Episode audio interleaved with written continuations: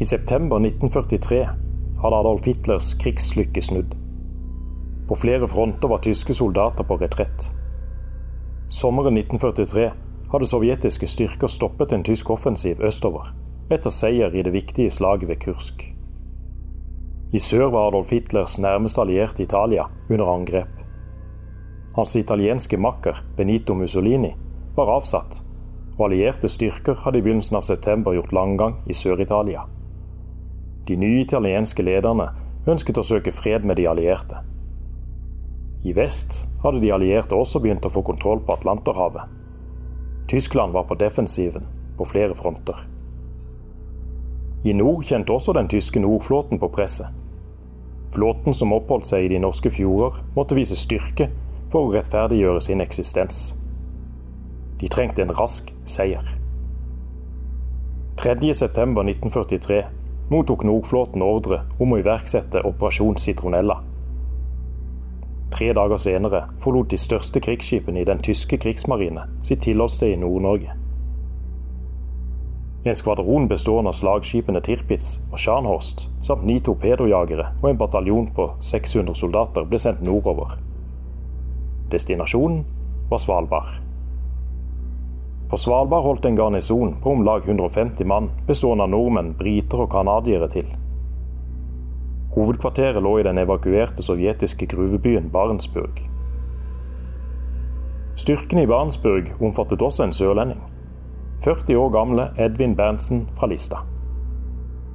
Sammen med de andre i garnisonen hadde han i oppgave å sikre alliert kontroll over den norske øygruppen. Berntsen og de øvrige soldatene var langt fra forberedt på den overmakt som var i vente. Den 8. september klokken 01.50 ble han og de andre vekket av en alarm. En vaktpost hadde oppdaget flere skip som var på vei inn Isfjorden. På et av skipene sto landgangssoldater oppstilt i tette rekker. For nordmennene i Barentsburg var det uklart om det var venn eller fiende som var på vei. All tvil om skipenes nasjonalitet ble skjøvet til side da en kanonsalve lød fra det største slagskipet. De medfølgende krysserne fulgte opp med å heise de Reichskrigsflagg. Om bord på Tirpitz mottok skipssjefen følgende ordre ødelegg Barentsburg. Om bord i et av verdens største slagskip begynte de enorme kanonene å bevege seg for å sikte seg inn på mål i den lille gruvebyen. Deretter fulgte øredøvende smell, mens flammene sto ut av kanonløpene. På få minutter ble Barentsburg omgjort til et brennende sankthansbål. Hør mer om krigen på Svalbard i 13. episode av Polarpionerene polarhistorien sett fra Sørlandet.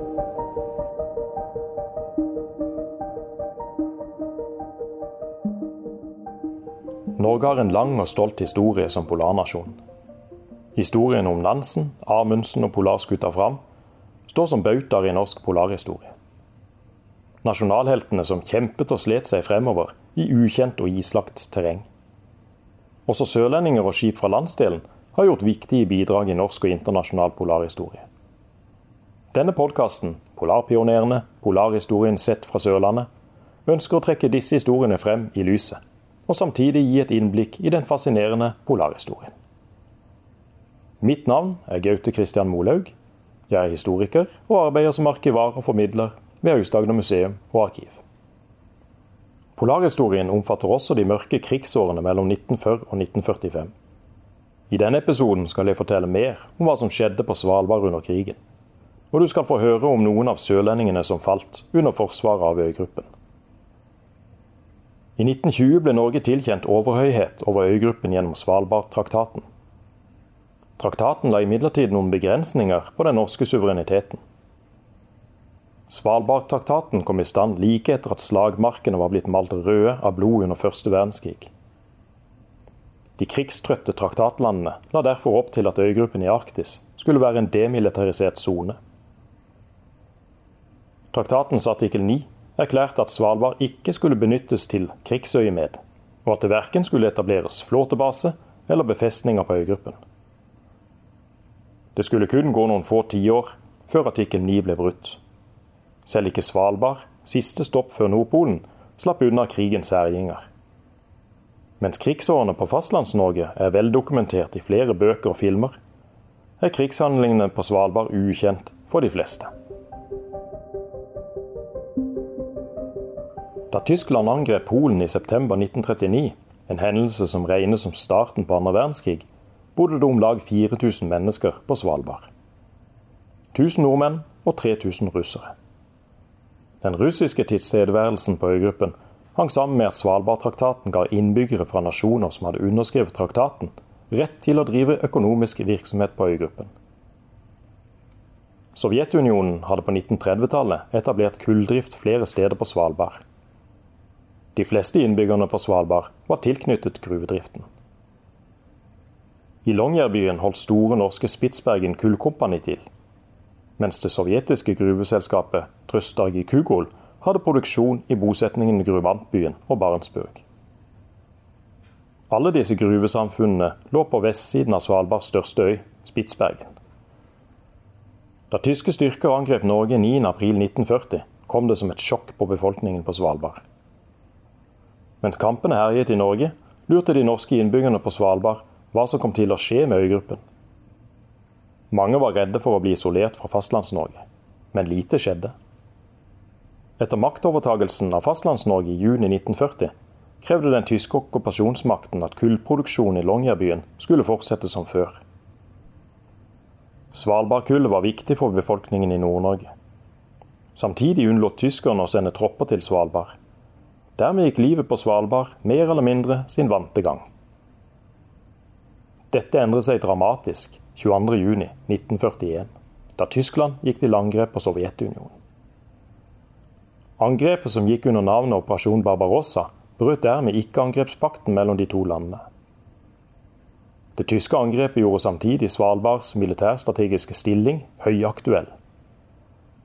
Russerne var redd for at tyskerne skulle bruke Svalbard som utgangspunkt for angrep mot Sovjetunionen. I juli 1941 kom Sovjetunionens utenriksminister Molotov med et forslag til den britiske ambassadøren i Moskva. Han ønsket at Sovjetunionen og landets nye allierte Storbritannia sammen skulle besette Svalbard, og dermed komme tyskerne i forkjøpet. Forslaget falt ikke i god jord hos den norske eksilregjering i London. Svalbard var norsk, og nordmennene måtte bli hørt. Sommeren 1941 anla en britisk marinestyrke Longyearbyen et besøk.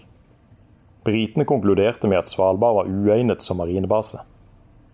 Det ble i stedet foreslått at øygruppen burde bli evakuert og kullgruvene satt ut av drift, slik at tyskerne ikke kunne dra nytte av dem.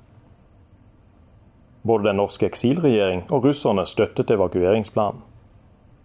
Direktøren i gruveselskapet Store Norske, Einar Sverdrup, var langt fra begeistret for ideen. Han likte ikke tanken på å oppgi Svalbard og samtidig ødelegge gruvene. I midten av august 1941 ble de russiske innbyggerne i Barentsburg og Grumantbyen evakuert og fraktet til den sovjetiske havnebyen Arkangelsk. Gruvelagrene i Barentsburg ble satt i brann. I september 1941 var turen kommet til nordmennene.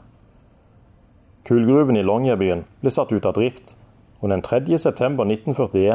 september 1941 forlot 765 nordmenn Svalbard med skipet Empress of Canada. I tillegg til lokalbefolkningen i Longyearbyen ble fangstmenn som hadde oppholdt seg på øygruppen med det britiske marineskipet til Skottland. Kun tre dager etter evakueringen av Svalbard ankom de første tyskerne Longyearbyen. Tyskerne utbedret flystripen i Adventdalen og etablerte flere værmeldingsstasjoner på Svalbard. Stasjonene var både bemannede og ubemannede. Værmeldingene fra nordområdene skulle bli svært viktige for den tyske marinen i sjøkrigen. Mot de allierte konvoiene som fraktet varer og våpen til Sovjetunionen. Krigen hadde nådd Arktis. En av de største motstanderne av evakueringen av Svalbard var gruvedirektør Einar Sverdrup. På nyåret 1942 overtalte han den norske eksilregjeringen i London om å sende norsk styrke til Svalbard. Styrken skulle hindre tyskerne opprettet baser på øygruppen, samt etablere en meteorologisk stasjon. Styrken telte 60 mann og ble ledet av gruvedirektør Sverdrup. Operasjonen som gikk under navnet Fritt Ham, skulle ende i katastrofe. Den 13. mai 1942 ankom styrken Isfjorden på Svalbard med isbryteren Isbjørn og ishavsskuta Selis. Den påfølgende natten, mens skutene holdt på å bryte seg i vei i isen utenfor Barentsburg, ble de angrepet av fire tyske Focke-Wulf Condor jagerbombere. Nordmennene var sjanseløse mot de tyske bombeflyene. Isbjørn ble kløvd i to og sank, mens Selis ble truffet av en brannbombe og begynte å brenne. 14 mann ble drept, og ni alvorlig skadet. En av de drepte var lederen Einar Sverdrup. De overlevende klarte å ta seg til Barentsburg, hvor de etablerte en base. I løpet av sommeren og høsten ble de sårede hentet. I tillegg kom det forsterkninger og forsyninger til styrken på Svalbard. I slutten av juli ble Longyearbyen gjenerobret. Erobringen foregikk uten kamp. Tyskerne hadde forlatt sin base i Longyearbyen få dager i forveien. Svalbard var igjen på allierte hender. I alle fall nesten. Fortsatt fantes det noen tyske værvarslingsstasjoner på Svalbard, som brakte viktige værmeldinger til den tyske marinen. Sommeren 1943 hadde den tyske krigslykken snudd. På flere fronter led tyskerne store nederlag. I de nordnorske fjorder lå tyskernes største krigsskip og ventet på å angripe allierte konvoier i Barentshavet. Da disse uteble, begynte Hitler å revurdere den tyske nordflåtens eksistens. Han mente marinegassen i stedet kunne bidratt som infanterister på østfronten. Storadmiral Karl Dönitz innså at han trengte en seier i nord. Han beordret iverksettelse av Operasjon Citronella. Et raskt og hardtslående angrep på Svalbard. Mye tyder på at tyskerne overvurderte størrelsen på den norske garnisonen på Svalbard. En flåtestyrke som omfattet de store slagskipene Scharnhorst og Tirpitz, samt ni torpedojagere, var en gedigen overmakt, sammenlignet med den allierte styrken, som telte rundt 150 mann på Svalbard. Morgenen 8.9.1943 ble de norske styrkene i Longyearbyen og Barentsburg angrepet med tungt artilleri fra de tyske krigsskipene, samt luftangrep fra medfølgende fly. Nordmennene kunne ikke annet enn å søke dekning. Både i Barentsburg og i Longyearbyen ble bygningen skutt til pinneved. Tung, mørk røyk steg opp fra de brennende bygningene. Etter skuddsalvene ble landgangsstyrker satt inn for å fullføre jobben, samt lete etter krigsfanger. Angrepet varte hele måneden, og begge steder ble fullstendig rasert. Ved middagstid var tyskerne klare for å returnere til Norge. Med seg hadde de et førtitalls norske og britiske krigsfanger. En av dem var 44 år gamle Arthur Martinius Flom Jacobsen, bosatt i Øyestad utenfor Arendal. Jacobsen, opprinnelig fra Drøbak, var løytnant i den norske marinen. Under det tyske angrepet hadde han blitt hardt skadet. I likhet med de øvrige norske fangene ble han satt i fangeleir i Alta da de ankom fastlandet. Her døde han av skadene 15.9.1943. Jacobsen var ikke det eneste offeret etter operasjon Citronella. Til sammen ti personer ble drept som følge av det tyske angrepet. En av dem var 40 år gamle aktander Carl Edvin Berntsen fra Brastad på Lista. Edvin, som var fornavnet han vanligvis brukte, hadde seilt i utenriksfart som maskinist da Norge ble angrepet 9.4.1940. Under krigen seilte han både på norske og britiske skip, før han i januar 1943 gikk inn i den norske marinen. Berntsen ankom trolig Svalbard sommeren 1943 i forbindelse med at garnisonen på Svalbard fikk avløsning. Berntsen ble trolig drept mens han søkte tilflukt i en av gruvegangene i Barentsburg. Han ble begravet i Barentsburg sammen med de øvrige falne 10.9.1943. Etter angrep 8.9.1943 roet den tyske interessen seg for Svalbard. Samtidig ble det bestemt at den norske garnisonen på Svalbard skulle reduseres. Mennene som hadde overlevd det tyske angrepet, ble avløst i oktober 1943.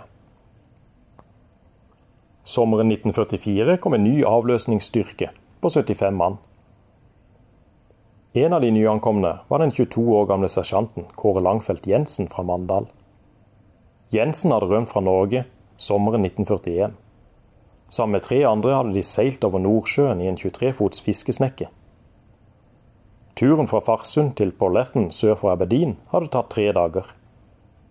I Storbritannia meldte han seg til alliert tjeneste og utdannet seg til radiotelegrafist. Den 17. august 1944 fikk han og en tropp ordre om å dra på oppdrag i Sveagruva.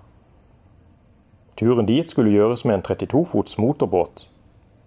I løpet av natten ble de oppdaget av en tysk ubåt som lå i overvannsstilling inne i Vanmienfjorden. Selv om tyskerne hadde sluppet taket om Svalbard, jaktet tyske ubåter og alliert skip i farvann rundt Svalbard. Mens motorbåten med nordmennene styrte mot land, åpnet ubåten ild. Nordmennene klarte å komme seg i land og i dekning før motorbåten ble skutt i brann. Men i kampens hete ble Jensen truffet av de tyske prosjektilene. Han døde av skadene og ble gravlagt på stedet.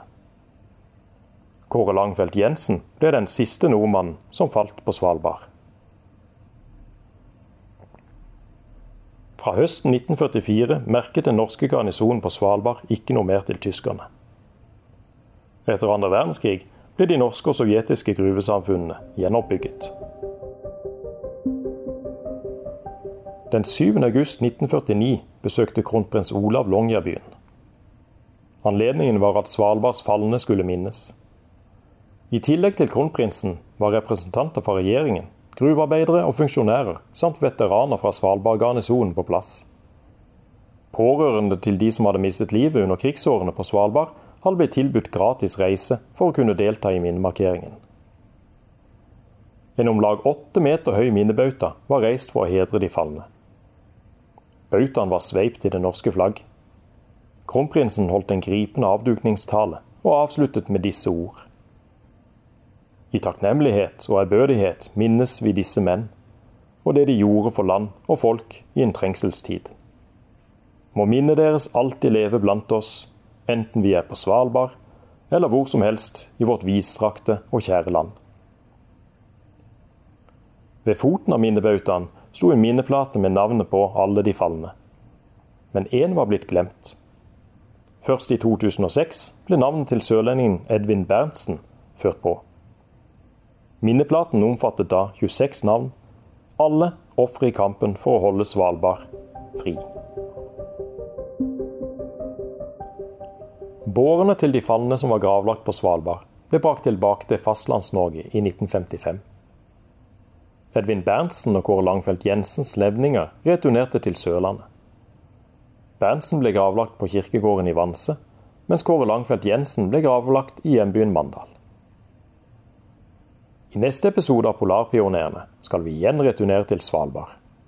Da vil du få høre historien om isbjørnjegerne fra Setesdal.